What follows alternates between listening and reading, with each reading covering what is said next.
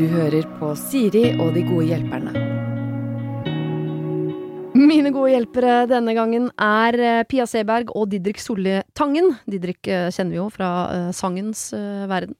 Diverse Hva skal vi si? Hvilke sjangere behersker du? Nei, altså jeg vil jo si at jeg er klassisk skolert, da. Så det er vel kanskje liksom opera og sånt folk kanskje forbinder meg mest med. Ja, men også pop. Men også pop, eh, som jeg syns det er veldig gøy å drive med. Og noen ganger så må man bare tenke på at eh, du skal bli ved din lest, og Ja. kan hende det er det jeg faktisk må drive med. Ja. Så triste øyne. Sa han med glede i stemmen. Så klappe deg sånn som jeg klapper hunder. Uh, Pia, du er mentaltrener, forfatter, influenser, blogger, og altså har podkasten Treningspodden. Nå skal dere hjelpe folk. Og vi begynner med en mann, uh, som er en klassisk ja-mann. Hei, jeg er en utadvendt og sosial person som liker å være sammen med andre, men av og til opplever jeg at jeg kanskje er litt for grei. Jeg klarer nemlig ikke å takke nei til invitasjoner fra folk som jeg innerst inne ikke ønsker å bruke tid på. Verst er det når folk spør meg personlig. Stemmen min svarer da ja, selv om hodet mitt sier nei. Resultatet er at jeg ender opp på hytteturer, i middagsselskaper og lunsjer med folk jeg ikke føler at jeg burde prioritere. Det er ikke det at det ikke er hyggelig, jeg bare føler at jeg burde brukt denne tiden på gode venner framfor folk jeg ikke kjenner fra før. Hvordan kan jeg takke nei uten at folk blir såra? Mann 31 som lurer på dette. Ja, Sabla godt spørsmål. Jeg tror mange kan kjenne seg igjen i det. ja veldig, egentlig. En ting som er viktig å huske på, er jo at ved å si ja til alle andre, så takker du nei til deg sjøl. Veldig sånn klisjé å si, men eh, min erfaring tilsier at hvis folk liksom smaker og tygger litt på den, og tenker litt på alt det du velger bort, da, når du sier ja til den hytteturen med de perifere folka, eh, så blir det litt viktigere å bli god på å si nei. Mm. Jeg er helt enig. Altså, jeg har, var, altså, har vært i situasjonen sjøl med dette med å være redd for å si nei, da. Ehm, og, så, og så føler man jo, i hvert fall når man blir uh, småbarnsfamilie, holdt jeg på å si, og får unger og sånn, så blir man veldig sånn OK, nå burde jeg bli, burde jeg bli litt sosial, og burde jeg få gjort sånn og sånn og sånn og sånn. Mm. Eh, ja, og man får liksom kanskje litt dårlig samvittighet for å ikke gå ut og finne på ting. Ja. Uh, Men samtidig så er det, jo, uh, er det jo full forståelse for det rundt omkring. I hvert fall de som har barn, skjønner jo greia, og skjønner at det er mye greier. Så jeg vet ikke hvor han Han hadde ikke barn, kanskje. Det står ikke noe om. Nei, men det virka jo ikke som. Da hadde han vel kanskje sagt det. Så jeg føler at han Altså, det med å bruke tid på mennesker som du én ikke kjenner, og to kanskje ikke får noe bra ut av. Ja, men det, Det- er jo ikke nødvendigvis det samme, fordi uh, jeg er en klassisk nei-person som har måttet øve meg på å si mer ja. Ja.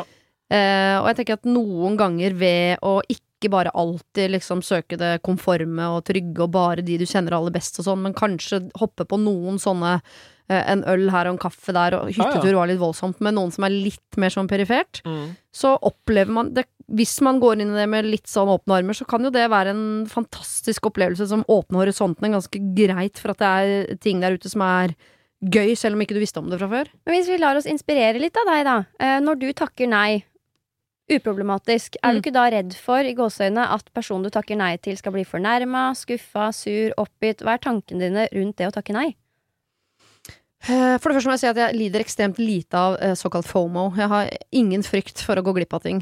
Eh, Det har jeg veldig lite av.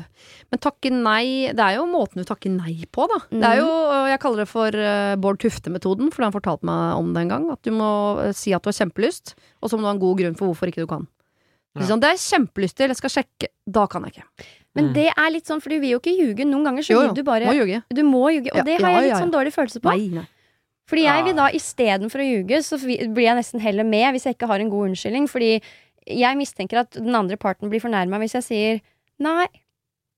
Og du stopper der, og du Ja. velger å stå i det. Det er litt som å avslutte en telefonsamtale uten å ha en unnskyldning. Har du tenkt på det? Hvis du skal si sånn Du, nå må jeg stikke, jeg skal lage middag her. Mm. Du kan ikke bare si sånn Nå legger jeg på, jeg er ferdig med den praten her.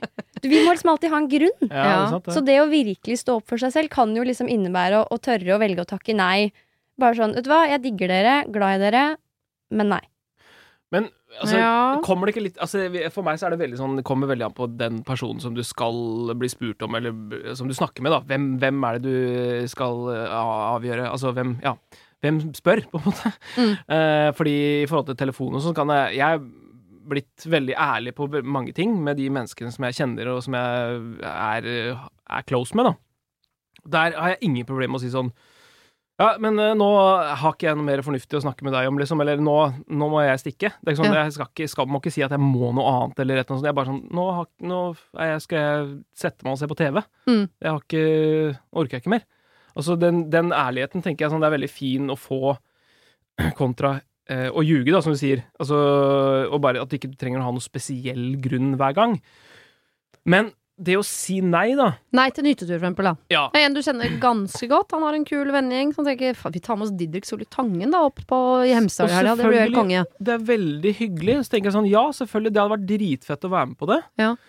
Eh, og så har jeg jo eh, blitt altså, Selv om lysten, fordi lysten må jo være, tenker jeg sånn, den bør være der. Eh, Ja. og, her den, virker det som ja, man har, eh, lyst, det er jo lysten som er bra. Han har ikke lyst, man sier ja likevel. ja, og da tenker jeg sånn at da bør han gå noen runder med seg sjøl, fordi at eh, det er jo ingen som jeg, jeg tror ikke du kommer til å få så veldig mange medaljer for å, at du sier ja til de folka, eller blir med på de og sånn, og gjør de tinga der. Nei. Du må tenke på hva som Ok, for meg, da. Hva er det som er viktig for meg? For det er Det er noe med det derre Hvem er det som passer på deg? Det er jo egentlig deg, så du må ta ansvar for din egen eh, hygge, og hvor, hva, hva gjør at du føler deg bra. Hvis ikke den hytteturen gir deg så veldig mye, så tenker jeg sånn Da skal du ikke være med på den hytteturen. Nei. Helt Men- enig. Samtidig som jeg applauderer jo ja men Det er jo ikke så mange Jeg tror det er øh, Det er sikkert mange ja-mennesker, men jeg applauderer også at mennesker er litt sånn som sier ja. Det er jo noe fint i det. Og så er det forskjell på om du er ja eh, sosialt, eller om du er ja på jobb, eller hvor du er ja. Uten at man må ikke bli helt spist opp. Nei. Men så syns jeg det er fint at du sier at man ikke skal ljuge, selv om jeg eh, syns at en hvit løgn kan være helt ok i ny og ne, hvis det skåner andre. Men man trenger jo ikke å forklare, så hvis mann 31 får forespørsel om å være med på noe, da. Uh, og han tenker jeg burde si ja, for det er det jeg gjør, men jeg har ikke lyst. Så kan han si sånn Du, det høres utrolig kult ut. Den helgen kan jeg ikke. Ja. Trenger ikke å forklare sånn, fordi på fredag så skal jeg, da kommer jeg ikke hjem før klokka sju, og da skal jeg, ikke sant, og så skal han tror. på håndballcup, og da så ikke sånn. Ja. For da vil jeg andre enn tenke sånn Jeg spurte ikke om kalenderen din, Nei. jeg spurte om du kan være med på hyttetur. Nettopp. Hvis du ikke kan, så trenger du ikke å, å, greit, å, gå i liksom. detalj på Ja. hvorfor. Ja, den er fin. Det passer ikke, for da er du på en måte da, da, Det er jo ikke noe hvit løgn engang. Det kan Nei. være mange ulike grunner til at det ikke passer. Så det å liksom øve seg litt på å si nettopp det, og, og minne seg sjøl på hvorfor du sier nei, altså hva du da takker ja til. Egentid, ta seg en pils på egen hånd, Mm. se noe fotball og noe greier med kameraten din. Altså, det er så mange kule ting du kan gjøre isteden som du har mer lyst til. Men det er jo en reell utfordring, spesielt overfor de relasjonene som du er glad i. Gjerne liksom sånn eh, noen år tilbake, kanskje fra studietida, som du kunne ønske du kunne pleie mer, men det er rett og slett ikke tida. Og når de da strekker ut en hånd, så vil du jo ikke være den som liksom kutter nesten den relasjonen helt, føles det ut som. Men eh, de vi hang med for ti år siden, det er, det er kanskje ikke alle som skal være med videre, da. Nei, og så er det en grunn til at ikke du henger med de lenger. Ja, ikke sant? Kanskje du bare skal det. innrømme det. Ja. Ja.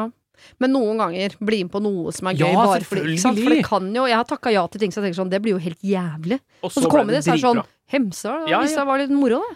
Ikke sant? Og Måtte det, bare shotte. Men hvordan det- ja, men- vet man hva man skal da takke ja og nei til? Nå tror jeg ja-man blir forvirra igjen, jeg. Eh, Ja-man er forvirra. Ja. Eh, ja-man må bli flinkere til å si nei, men jeg tror eh, Jeg var en time hos en psykolog for å lære meg å si nei, for jeg er flink til å si nei sosialt, men jeg er ikke så flink til å si nei på jobb. Ja. Fordi jeg, når jeg blir spurt om ting på jobb, så føler jeg at jeg eh, Jeg blir sint med en gang jeg får spørsmålet, for jeg føler at de setter meg i en vanskelig posisjon. ja, ja. hvor jeg må glefse tilbake for å si nei. Så ikke sant? Det må jeg ikke gjøre, så det kan jeg ikke gjøre. Og så finner jeg på sånne lange sånn eh, Nei, jeg skal dit nå. Og så lager jeg verdens lengste forklaringer på hvorfor jeg må si nei. Uh, Istedenfor, som jeg da lærte hos psykologen, som sa sånn Bare si sånn eh, Det passer ikke så godt. Kan vi ta det på torsdag? Du trenger ikke å forklare hvorfor ikke det passer på tirsdag eller onsdag. Kanskje du ikke skal Du har bare lyst til å ligge i badekaret på tirsdag, det passer ikke så godt. Foreslå en annen dag. Og det, tenker, det kan man lære litt av, at hvis ja-man kjenner at 'jeg har ikke lyst til å dra på den hytteturen', så har, du trenger ikke å forklare hvorfor. Du skylder ikke dem at, å forklare hvorfor ikke du har lyst, eller hvorfor ikke du kan, eller Du må Nei, bare si sånn så- Og gjerne sleng på et kompliment. Det høres helt sykt kult ut! Spør en annen gang. Kan ikke til helga. Nei. Absolutt. Og stå i det at altså, jeg liksom Spør deg sjøl litt hvorfor. Er det fordi du oppriktig ikke har lyst? At du er sånn Det der orker jeg ikke. Ferdig med. Eller er det fordi du er litt sånn ikke redd, men du vet det er noen invitasjoner du får hvor du kjenner sånn, åh, det er litt ut av komfortsonen. Ja. Da skal man kanskje takke ja. Enig. Ikke sant? At man eh, tar en liten runde med seg sjøl, Ja, ja. eh, og svarer ærlig. Trenger ikke å forklare, men bare sånn svarer ærlig.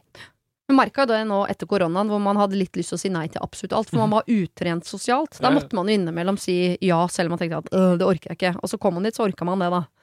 Så eh, si ja noen ganger. Hvis du absolutt ikke vil, så bare si nei uten å forklare noe mer. Men vær hyggelig. Mm. Ikke glefs. Mm. Ok, nytt problem. Hei, Siri. Det står 'hei, fine Siri', faktisk. Jeg syns bare det var litt kleint å lese det, men så gjorde jeg det allikevel. For det er jo greit å unne seg innimellom. Veldig greit. Jeg har et ganske lite problem, jeg innser jo det, men det går utover hverdagen allikevel. Jeg og min samboer har bodd sammen i snart ett år, og har ganske rettferdig fordeling på husarbeid. Vi tar eh, litt på rundgang, hvem som gjør hva, osv. I starten vasket vi leiligheten ca. annenhver uke, og er helt fornøyd med det, og det var sånn omtrent annenhver gang. For meg har det vært naturlig å vaske når han har vært borte, en lørdag mens han er på trening, for eksempel, en ettermiddag han er på jobb, osv. Men nå har han byttet jobb, og vi er stort sett alltid hjemme samtidig. Og jeg merker at det faktisk har sklidd litt ut, fordi vi begge tydeligvis har vasket når den andre ikke var hjemme. Det blir jo vasket av og til, men jeg merker at vi begge to ser på hverandre når den andre tar fram støvsugeren, og så vet jeg jo hvor forstyrrende jeg syns det er at han begynner å vaske når jeg ser på TV, så da vil jo ikke jeg gjøre det når han har en rolig formiddag.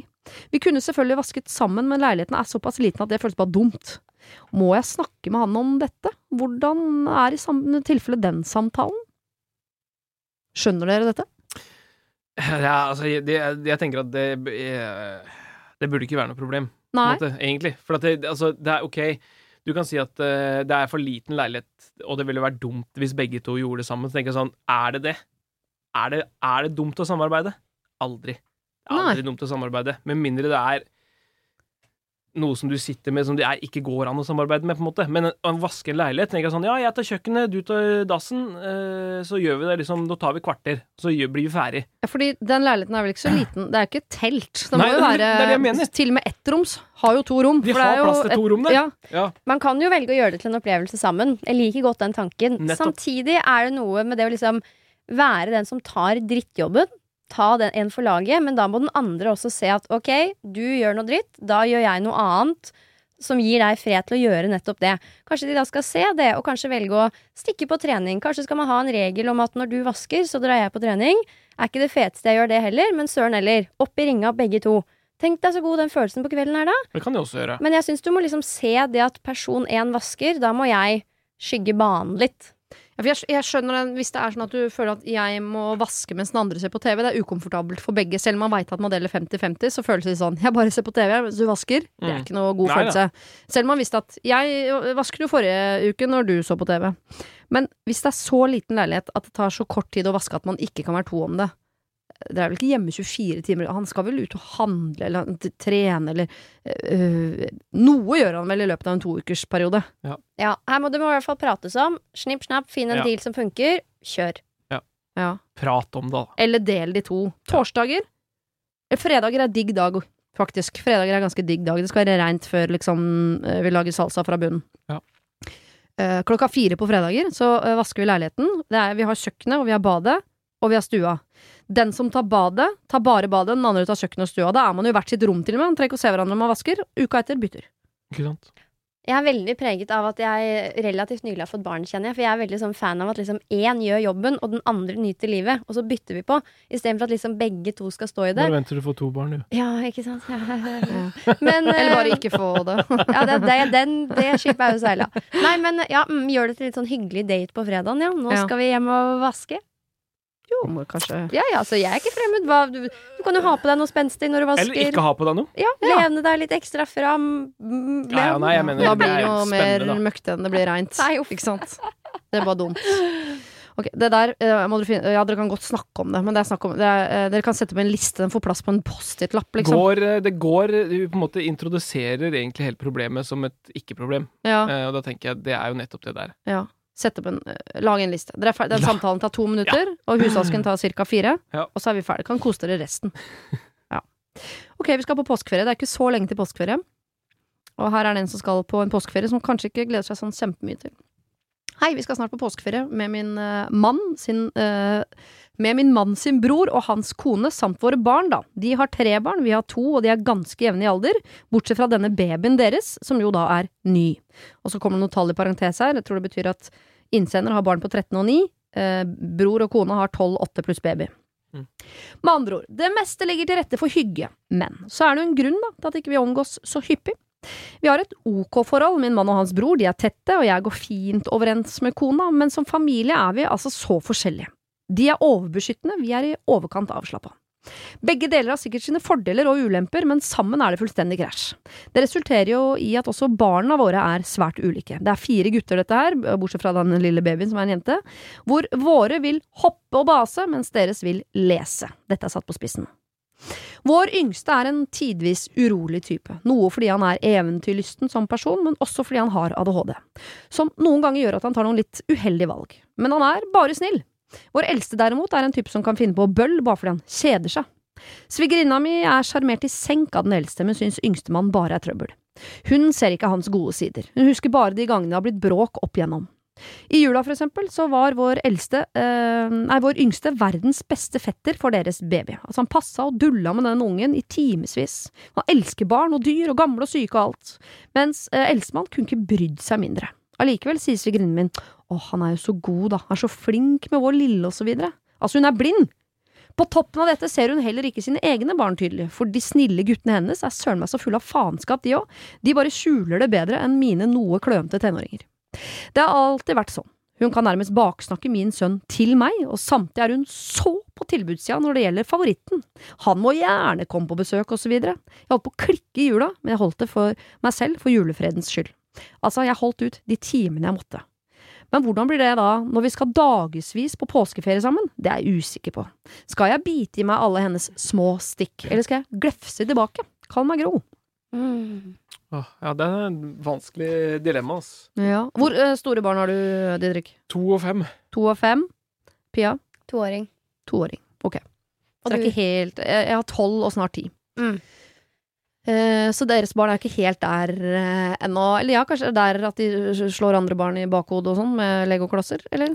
Ja, eh, han kan slå noen ganger, men det er jo veldig Det er liksom No min, min slår veldig mye, faktisk. Ja. Det er et lite problem på hjemmebane. Ja. Eh, men altså, når det er, er det noe jeg har lært da, i min korte karriere som forelder, er jo at, at barn, det er betent. Altså sånn, ikke kødd med barna mine. Verken med ord eller noe som helst annet. Så denne her, eh, barn, familie, det er tricky, men samtidig noe veldig mange kjenner seg igjen, tror jeg. Du vil liksom dra på den påske-, vinter-, juleferien og ha det dritkoselig, har leker sammen. Men sånn i praksis så er det jo ikke alltid så koselig som det ser ut som på Instagram. Nei.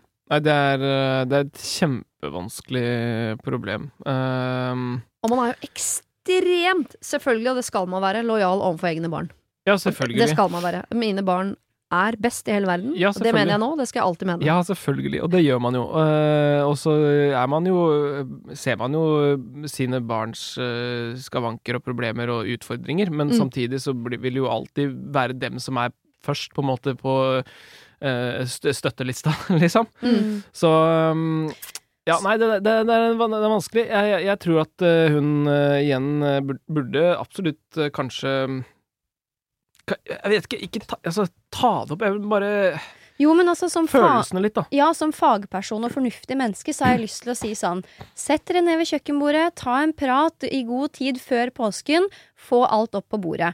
Ja. Men så vet man jo at i praksis så er jo ikke det like lett når det er barn og familie involvert. Og du har jo aldri helt kontroll på hvordan mottaker vil ja, ta imot dette budskapet. Så hvis du lufter noe som er veldig betent, sånn som dette her, og det Mhm. liksom ikke faller i god jord i det hele tatt, så kan det liksom få fatale konsekvenser. Men, men samtidig, hvis du går inn i en sånn prat med kjærlighet og understreker at jeg gjør dette her for at vi alle skal ha det bra, så har du jo potensielt gode odds. Hva Ja. tenker du, Siri? Hva, hva ville du gjort? Nei, det er jo liksom en anbefaling alltid hvis man er en gjeng eller en familie eller noe, at man er flere enn bare liksom kjernen som skal Ja. på tur sammen, så bør man jo ha en, hvert fall en sånn forventningsavklaring, ikke sant, så ikke det blir for mye sånn ting man går og lurer på, på en påskeferie for eksempel. Mm.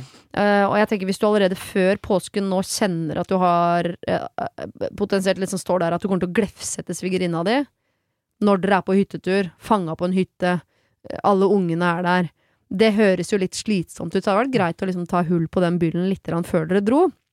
Samtidig som livet er jo fullt av sånne irritasjonsting som man på et eller annet Som jeg mener at mye av det må man bare svelge unna. Mm. Så kanskje hvis hun klarer å la være å glefse, men det dukker opp en sånn 'herregud, så grei den ene ungen din er, det er jo ikke den andre', type kommentar, så går det an der og da å si sånn 'vet du hva, jeg liker ikke når du snakker sånn om barna mine, fordi jeg er moren deres, jeg er like glad i begge to'. Så når du favoriserer så åpenlyst som det de gjør, det, det, det, syns ikke er noe hyggelig. Nei, Det syns ikke er noe hyggelig. Så da tenker jeg sånn, hvis du klarer å gjøre det uten å glefse Mm. Men da må du jo gå inn i den hytteturen med litt sånn overskudd, da. Hvis du allerede hvis du er sur idet du setter deg i bilen på forskudd.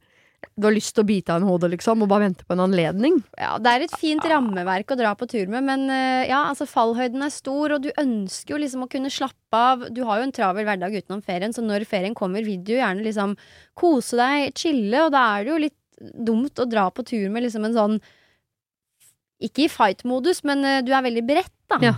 Og det er jo lite som tilsier at noe kommer til å være veldig annerledes denne eh, ferieuka kontra tidligere. Så eh, jeg er litt for å ta praten i forkant, jeg også. Det Ja. er nok lurt. Jeg, jeg er jo eh, veldig altså, ekspert på å svelge kameler eh, på et vis. Eh, så jeg, jeg, jeg tror nok at jeg hadde bare Men hvordan funker det for deg i praksis? Går du med mye liksom innabords, eller Ja, blir det borte? Nei, det blir borte. Gjør For det jeg, ja, det? altså, jeg glemmer ting så fort. ja, det er bra. Så jeg er veldig sånn eh, Og det er sikkert litt sånn mannegreie, at man bare glemmer eh, At det er jo Å ja, herregud, var det, var det noe vi hadde Eller var det noe Ja. vi snakka om, liksom? Eh, det kan bare være Det kan bare være en time etterpå, på en måte. Men det kan hende at det kommer så mange kameler i tida framover nå, Ja, ja. Didrik, at ikke du klarer å svelge unna. For nå har du vært eneste sønnen med barn, så plutselig har uh, foreldra dine et annet barnebarn. Nettopp. Og tenk hvis det viser seg at broren din er en sånn irriterende pappa som ikke går overens med deg som pappa, og ungene deres hater hverandre og Ikke sant? Altså, og det er, og det er, det er misforstå meg rett, jeg har blitt bedre og bedre på å ta opp eh, sånne kameler, altså. Det er eh, både med, med kona og med, med broderen, og det ehm, Det er jo liksom Det er noe med at det er ubehagelig i det, i det momentet du tar det opp, men det er litt som jogging, egentlig. Ikke sant? Det blir, er godt etterpå. Mm. Så det er liksom noe med det å Vet jeg tenke ikke noe med. Hva? Nei, du, men det er liksom noe med den der at du Du, du må bite tenna sammen, og litt som vi snakka om det der å ha det derre den overskuddstanken når du går inn, at man er Man tar det med en venn Du, dette har jeg lyst til å løse. Mm. Ikke gå inn og på en måte bjeffe det fra seg. Mm. Fordi det er aldri noe god inngang på en samtale. Nei. Ikke sant? Det, det er mye bedre å si sånn Du, jeg, jeg har tenkt litt på en ting, liksom, og, og det her er liksom Jeg har lyst til å For jeg, jeg liker liksom jeg sier de skal på den påsketuren, da. Jeg Ja. gleder meg til den turen og sånn. Og jeg, det er et par ting som jeg har tenkt på, bare. Jeg vet ikke om du har tenkt over det, men dette har jeg tenkt, og det er sånn jeg føler. Mm. Um, og da er det mye lettere for den andre personen å forstå, fordi en ting som jeg i hvert fall har tenkt, eller lært uh, opp gjennom året, er jo det at eh, vi har jo alle forskjellig bakgrunn. Hvordan jeg tolker en ting, og hvordan jeg ser på en ting, er helt forskjellig fra hvordan ja, for eksempel kona mi ser på ting, da. Mm. Uh, og det å klare å bare stoppe opp i to sekunder og tenke hvordan, hvordan tenker Eller hva, se, hva ser egentlig Angelica, da, når Mm. hun ser på det her? Eller hvordan ser broren min på denne situasjonen? Uh, så er det litt lettere å kanskje Ja, fordi jeg tenker på det på den måten, men det er jo ikke sikkert at den personen ser på det på den måten, så det er liksom Eller i hvert fall være ydmyk for at det jeg mener, er ikke nødvendigvis fasit. Nei, det er bare det jeg mener. Nettopp. Og, det, og hvis, så, så, så med en gang du begynner å se det, da, og åpner liksom skyggelappene litt, så, så føler jeg egentlig at uh, verden blir litt lettere å leve i, da. Ja. Ikke minst så får du jo mer altså, ekte relasjoner når du velger å være ærlig. Altså Du viser mer av deg selv, og da er det jo stor sannsynlighet for at du skaper mer rom og trygghet i relasjonene dine. Og er det et sted du skal kunne gjøre det, så er det jo i familien. Mm. Så en sånn prat kan jo bidra til at du på en måte setter en ny standard, altså mer åpenhet da, innad i gjengen. Mm. Eh, men jeg har veldig respekt for at de kulene du fyrer av, kan liksom det, det kan gå alle veier, da. Men igjen, hvis du, hvis du går inn i det med kjærlighet, at liksom dette er sånn jeg føler, uten å være anklagende, kanskje liksom omformulere seg litt eh, bort fra det spørsmålet vi fikk, så kan det jo gå bra òg. Ja. Ja. Mm. Og så er det jo, eh, jeg tenker det fineste av alt er jo hvis man klarer å eh, skape noe fint ut av dette. Det er to brødre som liker å henge sammen. Dere har barn på samme alder. Eh, så at deres svigerinner, at alle dere går overens, er jo en utrolig investering i framtida. Det vil jo gjøre alt utro, veldig, veldig mye koseligere. Alle juler, alle høytider, alle bursdager, ikke sant. Hvis man klarer å tette de båndene der. Mm. Og hvis du allerede nå, Gro, går og tenker på at jeg har jeg har en konfrontasjon innvendig eh, som er så stor at jeg er redd for å glefse, så mener jeg at det er en konfrontasjon som på et eller annet tidspunkt er verdt å ta. Og da er det verdt å ta den tidlig nok til at ikke du glefser den ut i rødvinsrus foran ungene, liksom. Ja. Så øh, å ta den tidlig, eller i forkant, eller vite at man har overskudd til å ikke glefse når den kommer, det tror jeg er helt essensielt. Men at dette må snakkes om, det må det jo absolutt gjøres. For dette er jo dødsirriterende. Mm. Så Gro og svigerinne må prate sammen. Gjerne før den turen. Før den turen, Mm. ja. Liten avklaring, forventningsavklaring. Ja.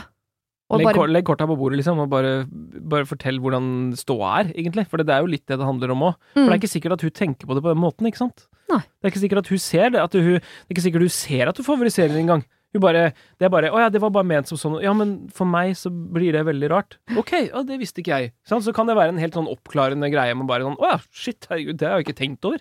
Og de Mm. aller fleste favoriserer jo man, ha, man får jo favoritter. Ja, ja.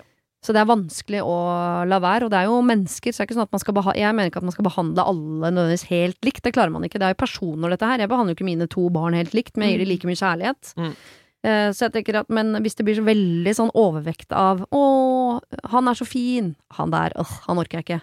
Det, det er faktisk ikke lov. Men skal Gro gjøre dette på egen hånd med svigerinne på en egen kaffedate, eller skal hun, skal hun involvere mann som Vet ikke, men potensielt er mer konfliktsky. Kanskje mannen sier oh, ja. 'la det ligge', dette blir det bare med drama, ikke gjør dette her, nå må du roe deg ned. Åh, jeg er lei meg for at ikke vi har snakka om det før, men jeg mener generelt sett alltid involver mann. Jeg er så lei av at det er mødre som må ta alle konflikter. Jeg er så lei Ja, av at alle sånn bursdagsinvitasjoner, sånn tråder hvor foreldre krangler i klassen eller sier fram ting, så det er bare mødre. Mødre, mødre, mødre, mødre. mødre. Mm. Jeg pisker mannen min så hardt på sånne ting. Dette må du ta. Dette må du starte. Den må du ta. Dette må du gjøre.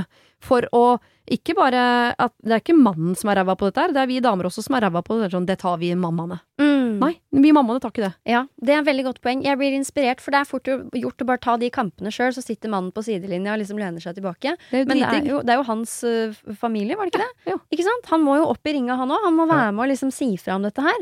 Men uh, det er jo litt vanskelig, da, hvis han sitter her og er konfliktsky, og jeg vet ikke om du kan kjenne deg igjen i- er det, hva, hvem har du hvem du snakka med nå? Du sitter der Vi har liksom, Angelica på øret. skjønner du. Nei, men eh, altså, vi har jo hatt en liten Vi har jo hatt en liten uh, sånn konflikt i familien vår. På akkurat, ikke på akkurat samme greie, men sant, den der følelsen av at uh, Angelica da blitt satt i en situasjon hvor hun kanskje har blitt introdusert for en del uh, damer Ja. gjennom Emil, Ja. og hun har på en måte fått en sånn forventning, da. eh, Forventningspress om at hun skal liksom like å være eh, venninne med dama til broderen. Hver gang. Hver Han gang. drar med seg noe Ja, rask hjem fra ja, angstbar. Og det har vært, ja, det har vært en sånn derre litt sånn derre verkebyll i forhold til, eh, forhold til eh, henne, da. Mm. Og så har jeg vært litt sånn derre Ja, men hallo. Liksom, jeg har vært litt sånn altså, Det her er deres problem. Dere to må snakke sammen. Og på et vis så er det jo dem to Ja, som der har er det. litt, det er jo deres Ja, problem. det det- For du og broren din liker hverandre, så Ja, det ja, har jo ikke noe å snakke om. Nei, men allikevel så er det noe med den derre nå når vi blir en familie og alt sånn, så, så er det jo liksom sånn Det ligger jo, det ligger jo litt der i, i, fra før, på en måte. Ja. Eh, og nå kjenner jeg jo at ja, selvfølgelig så er det viktig at jeg involverer meg. Mm.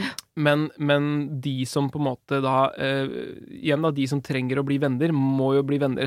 Altså, de som har noe å skvære opp, må skvære opp, men jeg er helt med på at det er fint å involvere, eh, og at folk er klar over at ting foregår. Ja. Jeg tenker sånn, fordi da kan man backe hverandre, og man kan hjelpe hverandre, og så sier han ja, kanskje, kanskje ikke, men, men det er en konflikt her som må løses, og det er noen som må prate sammen. Jeg helt Det Hvis det er to mennesker som har en konflikt, så må de to ta den. Trenger ikke å involvere Kreti og Pleti, men her er det jo på vegne av barna. Og det er Gro er mammaen, men disse barna har jo også en pappa, og da tenker jeg at alle må på bordet. På en eller annen måte. Absolutt. Ok, jeg skal over til et alkoholproblem. Oi. Mhm. Har du et problem og trenger hjelp, ja, så sender du det til meg. Da bruker du Siri, alfakrøll, radionorge.no. Jeg har en venninne som, eh, meg- som jeg bekymrer meg litt over. La oss kalle henne Helene. Hun er litt yngre enn de andre nærmeste i gjengen. Vi er stort sett rundt midten av 30-åra. Eh, og er eh, den eneste gjengen også som er singel. Det er ikke derfor jeg er bekymret, altså. Men resten av oss i den gamle gjengen har nå etablert oss med forhold, trygge jobber, og flere av oss har barn, hund osv. Men ikke Helene. Hun har en karriere som åpner opp mer for sosiale settinger med et par glass, og ofte flere ganger i uka. Når vi møtes, har hun alltid vært på et arrangement dagen før og er ofte sliten. Og selv om hun er det, foreslår hun ofte et par glass når vi henger sammen. Jeg begynte å tenke tilbake og kan nesten ikke huske sist gang jeg møtte Helene uten at det alkohol i bildet. Og jeg har prøvd noen ganger å foreslå at vi skal møtes for en kaffe, gå på museum, trene, padle kajakk eller andre ting som er typisk edru aktiviteter. Men det passer aldri. Når det derimot er snakk om et glass eller middag med vin, ja, da er hun som regel med. Det er godt mulig jeg overanalyserer og overtenker dette, sa men kan venninnen min ha et alkoholproblem, og hva gjør jeg med det, spør da Alexandra.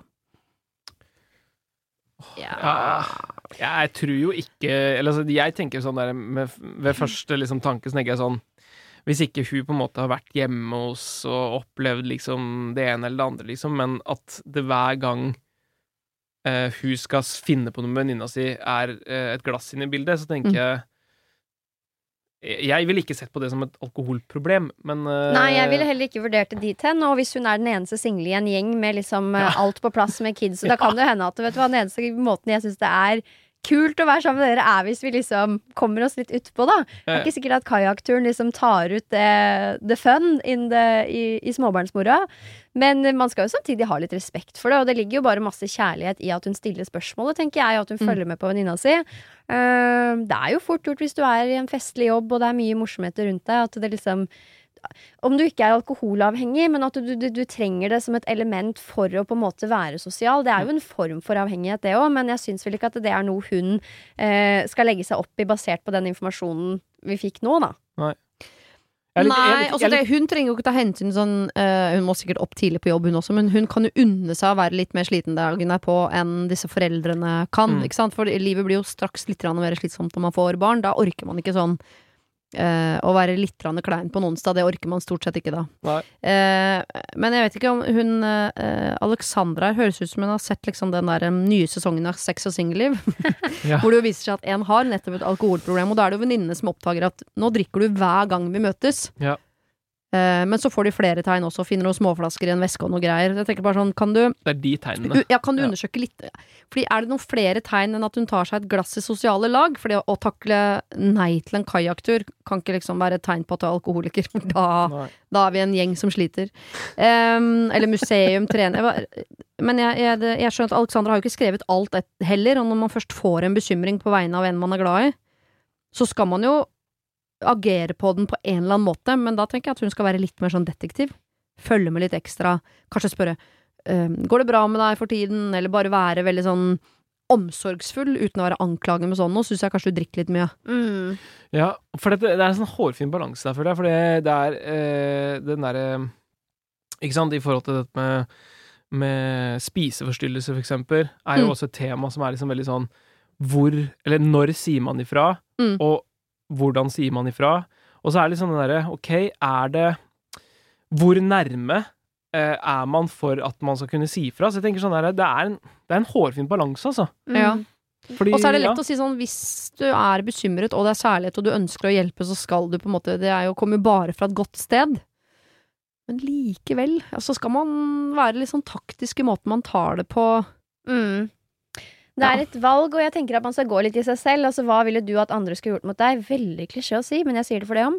Fordi da kan du i hvert fall stå litt bedre i måten du takla situasjonen på, om det skulle gå en litt annen vei enn det du hadde tenkt. da. Altså, Hvordan hadde du hatt lyst til å bli møtt selv? Og så kanskje rett og slett velge den fremgangsmåten. Mm. For da, ja, igjen, da står du i hvert fall stødig i det, hvis hun venninna di skulle vise seg å klikke og reagere på en veldig annen måte enn du hadde tenkt, da. For det kan jo skje. Altså, jeg, hadde- jeg hadde jo en kompis som hadde spillproblem. Som Ja. var gamble, altså gambler. Uh, og da, nå har han på en måte funnet ut av ting, men, men uh, da fikk jeg liksom uh, da, da, På et eller annet tidspunkt så husker jeg han bare sa sånn Hvorfor har du aldri spurt meg om det? Mm. Og så- men men jeg, jeg, så det er ikke sånn at jeg har dårlig samvittighet for det, fordi vi har snakka om det flere ganger. Og jeg har vært på en måte Men med han, eller dere Ja, andre gutta i gjengen? Nei, nei, nei, nei, med med han, han. Med ja. han. Så at han har hatt plenty av muligheter til å liksom Ja. uh, come clean, på en måte. Han har mange muligheter til å ha sagt det på, men, men, men der, der fikk jeg på en måte Du har aldri spurt meg rett ut om jeg har et problem. Nei. Uh, og det, det kan jeg jo ikke. Det, det er greit, det kan jeg ta på meg. Men Mm. allikevel så har han Jeg føler ikke at jeg ikke har vært der, uh, hvis han har trengt noen å prate med. Nei. Um, men der har vi den, som du sier, da, i forhold til det at er det noen, har du noen mistanker? Og det har, har jeg jo hatt. Uh, men jeg føler kanskje at jeg, altså, Kunne man vært tydeligere? Ja, kunne man kanskje vært. Eh, så det er jo litt sånn Men samtidig det er litt sånn katt og mus der, fordi han jobber jo hardt for å skjule noe for deg, og så blir han sur for at han har klart det. Så det er ikke sånn, har du vunnet eller tapt? Hva mener du sjøl at du har gjort nå? Eller eh, Han vil jo det er, Han vil at du skal avsløre han, men det gjorde du ikke. Nei. Og så blir han sur for at ikke du gjorde det. Men det er jo fordi du har vært veldig god til å skjule det, da. Ja. Så du har på en måte vunnet òg, eller Men hvis du skulle gått tilbake i tid, Mm. hadde du spurt? Etter at du vet det du vet nå?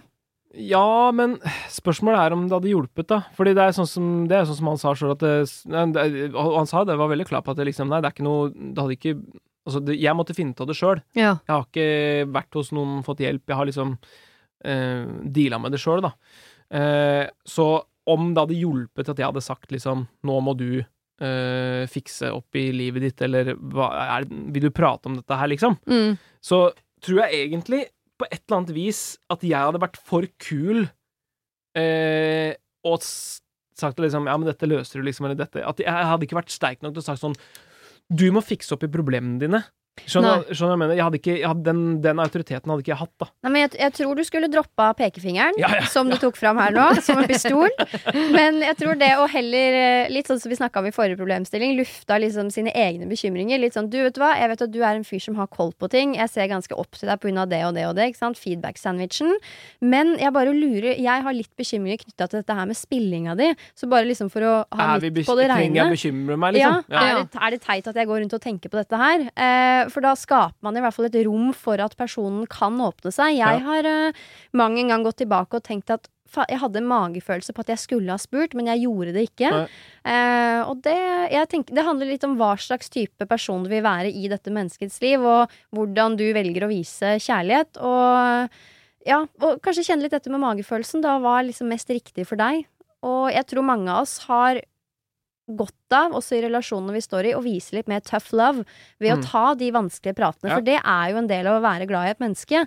Og liksom velge å trosse de litt sånn skumle følelsene for å åpne opp og vise at du er der, da. Ja, og det, Men da må man være forberedt på å få uh, motstand også, fordi hvis man har noe man prøver å skjule, Mm. så vil man jo bli avslørt, men idet man blir avslørt, så vil man jo antageligvis bli sint, for man Mm. føler seg jo eh, dum, liten. Mm. Men jeg tenker jeg vil, hvis jeg hadde hatt et eller annet problem, om det var alkohol eller spilling eller hva det nå måtte være, så ville jeg jo heller at en venninne ha eh, Jeg ville blitt lei, mer lei meg hvis venninnene mine ikke spurte meg når jeg hadde et problem, enn jeg blir om en venninne spør meg om noe som jeg faktisk ikke har problemer med. Hvis du skjønner, hvis en venninne nå kommer til meg og sier Sier jeg tror du har et alkoholproblem, så tenker jeg sånn Nei, det har jeg ikke, men kult at du spør. Ja. Heller det enn at jeg har et alkoholproblem og ingen spør. Mm. Ja, ja, det er sant. Ja, nei, jeg er helt enig. Så vi, jeg, jeg, tenker jo, jeg tenker jo at hun bør, eh, som du la det litt fram, være litt sånn Du, jeg har tenkt på en ting, og det kan hende jeg er helt på jordet her, men eh, i hvert fall, jeg må bare lufte det med det. Og Mm. så spørre på en pen måte, liksom. Ja. Eh, Jeg er bekymret. bør Jeg syns, jeg syns ja. det er mye alkohol. Er det noe jeg trenger å bekymre meg for? Trenger du meg til noe, eller? Ja. Ta en evaluering av informasjonen, og hvis du føler at den er tilstrekkelig til at du kan gå fram, så gjør det. Ja. Med kjærlighet. Tenker, Hvis du er bekymra for venninnen din, så skal du gjøre noe. Ja. Du skal jo det. Det betyr ikke at du skal stå på døra hver morgen klokken åtte og hente henne og kjøre henne et sted, men du må være tilgjengelig for en prat, liksom. Ja. Mm. Ok, et siste problem. Det handler om trening. Mm. Kjære Siri og dine hjelpere. Jeg har et problem jeg ikke helt hvordan, vet hvordan jeg skal løse. Jeg har, jeg har perioder der jeg sliter med en god del angst, som særlig går utover nære relasjoner. Jeg tenker at ingen egentlig vil være med meg, at vennene mine har det bedre med andre, og at jeg har få nære relasjoner. Den rasjonelle delen av meg vet at det egentlig ikke stemmer. Jeg har et helt nydelig nettverk av fine mennesker. Men så kommer det travle perioder det er, der en ikke har god tid til å møtes, og disse følelsene kan komme krypende om jeg er i dårlige perioder. Det som ofte skjer, er at jeg da fyller hver eneste ledige dag med trening. I utgangspunktet er det en fin ting, det, for trening er jo bra for psyken, men så tar det fullstendig overhånd. Jeg kan gå på gruppetimer en onsdag etter jobb, og så trene før torsdag, øh, jobb på torsdag morgen igjen, og så kanskje en ny økt torsdag ettermiddag, fordi jeg har uansett ikke noen andre planer. Og etter hvert blir det at jeg prioriterer trening framfor alle andre aktiviteter. Jeg lurer på hvordan jeg skal finne en balanse og kunne trene for å holde meg sunn og bedre psyken, men ikke la det ta over livet mitt. Men hva er egentlig en bra balanse? PS. Så står jeg nå på venteliste psykolog, altså så jeg skal ta grep på det der med psyken. Mm. Det er jo et veldig godt spørsmål, da. Og da er det viktig å understreke at jeg i hvert fall, og, og dere Altså, jeg jobber jo med friske mennesker, og man kan jo spørre seg selv ok, hvor går grensen her i forhold til eh, å ha en ikke en diagnose, men ja, dere skjønner. Men jeg tror samtidig at mange kan kjenne seg inn i det. Trening er jo helt supert, men det er fort gjort å liksom bli veldig revet med. Eh, og det er mange innfallsvinkler. Men jeg tenker umiddelbart at det kan være smart å teame opp med en autoritet innen trening. En PT, en eller annen som kan mer om trening enn det du kan, og som du stoler på. Mm. For da er det litt lettere lettere å følge en annen sin fasit enn det du tror er riktig og viktig i forhold til trening, men heller få liksom anbefalinger på at uh, disse tre øktene er bra for deg. Med en gang du bikker seks, sju, åtte, ni, ti, så blir det for mye fordi sånn og sånn og sånn og sånn.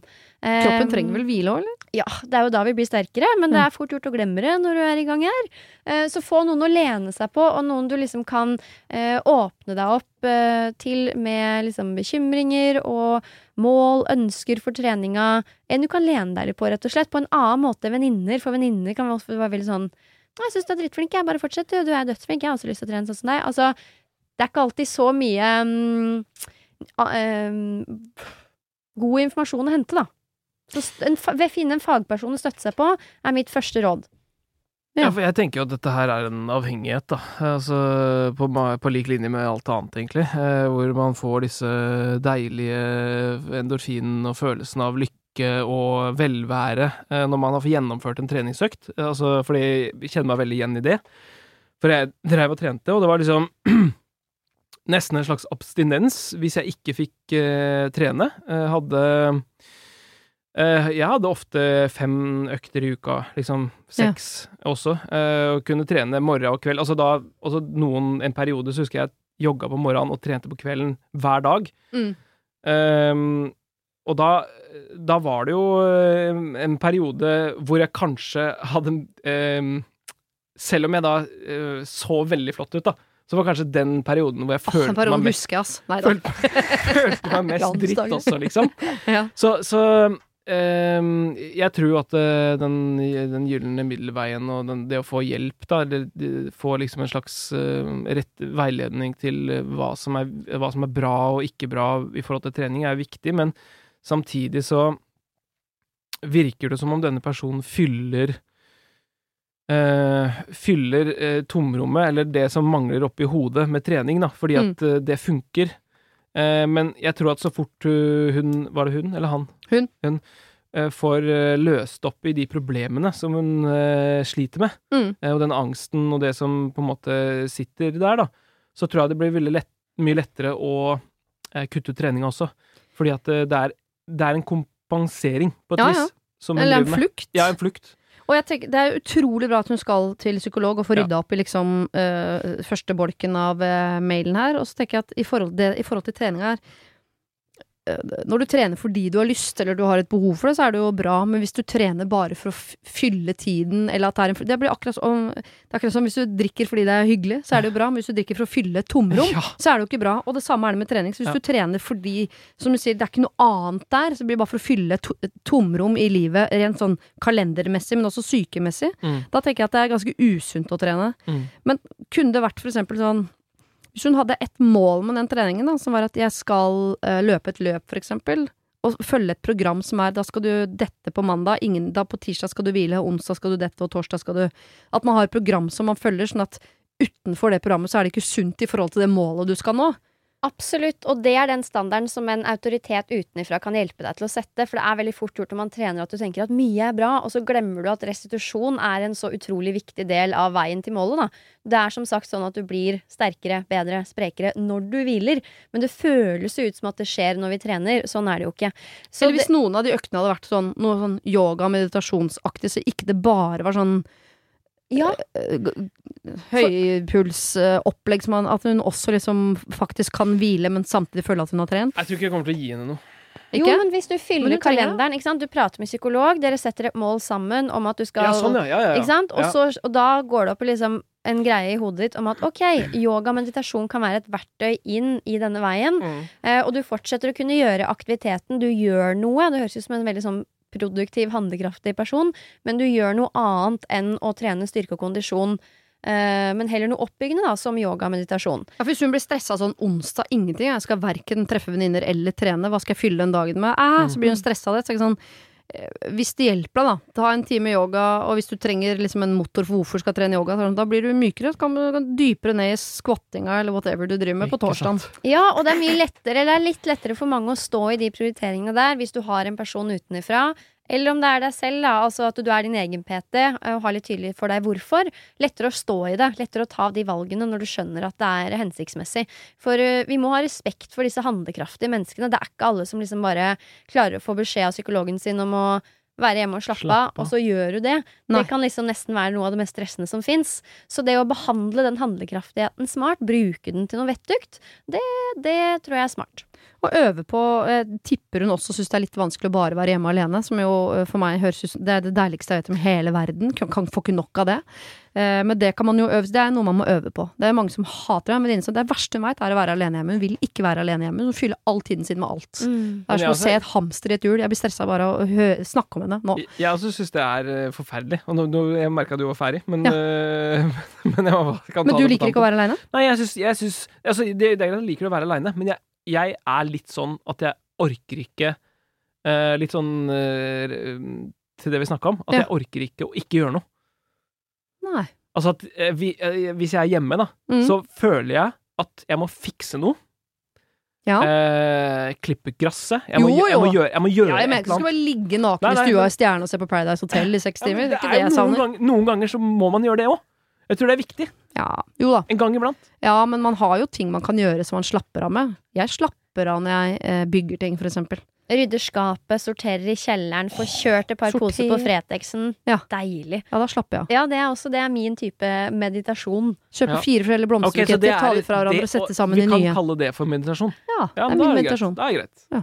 Det er innafor. Ok, så hun her skal altså Kjempebra, du skal til psykolog. Topp. Eh, Finn et mål med treningen din. Kanskje få litt hjelp også, akkurat som få hjelp med psyken. Få hjelp med treningen som gir deg et mål som gjør at du klarer å variere litt mer. Eh, Hvor du også antageligvis får beskjed om å slappe av litt innimellom. Finn noen måter å slappe av på som ikke plager deg, liksom. Kanskje eh, sortere boden er slappe av for deg, hvem vet. Sortere blomster er også en form for å slappe av. Begynn å meditere, begynn med yoga, et eller annet. Eh, fyll kalenderen min litt mer sånn varierte ting. Kanskje også skal liksom øve seg litt på å gå og ta kaffe med vennene sine. Mm. Litt oftere. Mm. Tusen takk for hjelp, eh, Didrik og Pia. Det har vært kjempehyggelig. Veldig hyggelig å være her. eh, vi har hjulpet dere ganske mye. Hverandre Ja, og folk. Så hyggelig å være her. Virkelig. Håper vi ses igjen. Ha det! Ha Hei, hei. Det var det. Husk å sende ditt problem til siri at radionorge.no om du vil ha hjelp. Denne podkasten er produsert av Klynge for Bauer.